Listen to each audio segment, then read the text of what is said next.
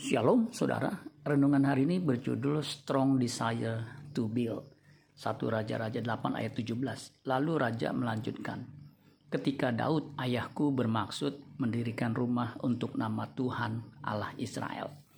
Terjemahan net mengatakan begini, Now my father David has a strong desire to build a temple to honor the Lord God of Israel.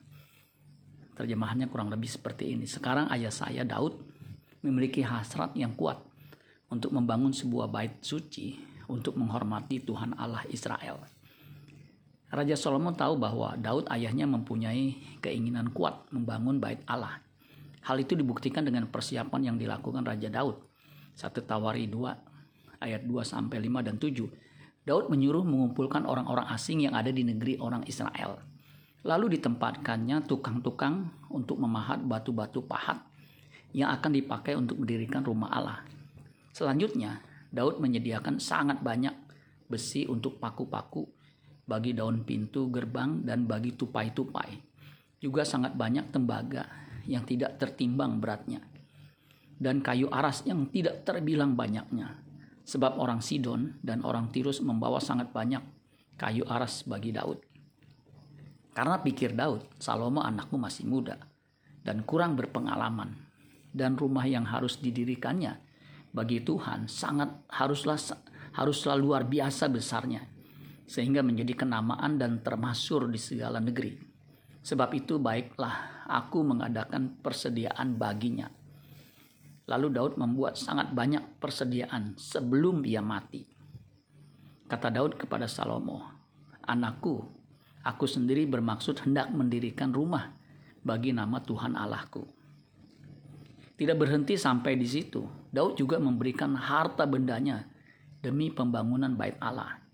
1 Tawaris 29 ayat 1 sampai 5. Berkatalah Raja Daud kepada segenap jemaat itu, Salomo anakku yang satu-satunya dipilih Allah adalah masih muda dan kurang berpengalaman.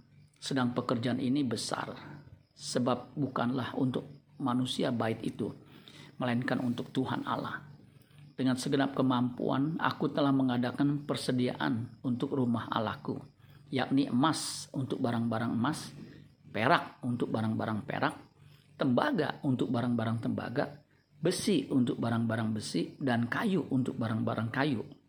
Permata syoham dan permata tatahan, batu hitam dan batu permata yang berwarna-warna, dan segala macam batu mahal-mahal dan sangat banyak pualam lagi pula, oleh karena cintaku kepada rumah Allahku, maka sebagai tambahan pada segala yang telah kusediakan bagi rumah kudus, aku aku dengan ini memberikan kepada rumah Allahku dari emas dan perak kepunyaanku sendiri. 3000 talenta emas dari emas Ofir dan 7000 talenta perak murni untuk menyalut dinding ruangan, yakni emas untuk barang-barang emas dan perak untuk barang-barang perak dan untuk segala yang dikerjakan oleh tukang-tukang. Maka siapakah pada hari ini yang rela memberikan persembahan kepada Tuhan? Raja Daud, jika Raja Daud membangun bait Allah dengan all out, bagaimana dengan kita umat perjanjian baru? Kita harus membangun bait Allah yang adalah diri kita sendiri. Kita harus membangun manusia baru kita dengan mengerahkan seluruh potensi yang Tuhan berikan sehingga tubuh kita benar-benar menjadi ruang maha kudusnya di mana Allah bersemayam. Amin buat firman Tuhan. Tuhan Yesus memberkati. Sola Gracia.